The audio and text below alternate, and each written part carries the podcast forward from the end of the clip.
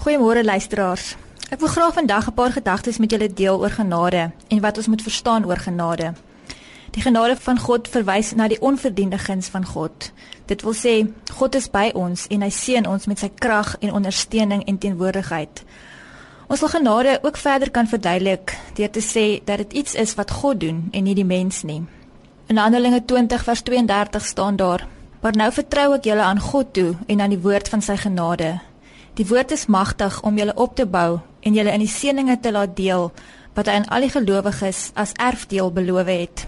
Hierdie versie bevestig dat die genade van God ons opbou en volwasse maak en laat verstaan wie hy is, wie ons in hom is en wat ons in hom het. Die boodskap waarby ons moet uitkom en waaruit ons moet leef, is die genade van God.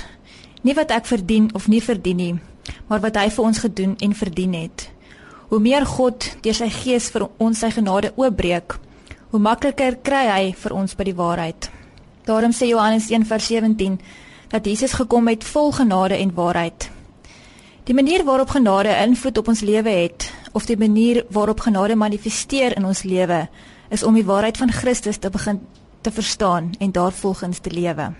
As jy behoefte het aan die waarheid, kan jy begin vra dat die Heilige Gees vir jou leer om genade te verstaan.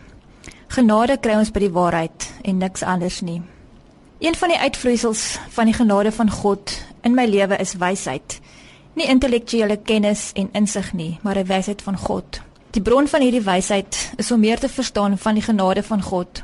Volgens Efesiërs 1:15 tot 17 is wysheid meer kennis van God. Hoe meer ek hom ken, hoe meer het ek wysheid en kan ek met wysheid optree in elke situasie. Die gevolg van hierdie goddelike wysheid is byvoorbeeld dat hoe meer die Heilige Gees ons help om God beter te leer ken, hoe meer sal ons verstaan dat God gekom het om ons lewe oor te neem. Hy wil ons pogings en verdienste uit die pad hê sodat hy kan oorneem. Goddelike wysheid beteken dat jy nie lewensvervulling kry in wat jy bereik nie, maar wel in wie jy is. Ons Vader hou nie van my op grond van wat ek alles doen of op grond wat ek gelukkig nie meer doen nie. Hy hou van my op grond van wat Christus vir my gedoen het as 'n geliefde kind van God. Die grootste wysheid is om te weet en te ervaar dat God totaal oorneem in my lewe.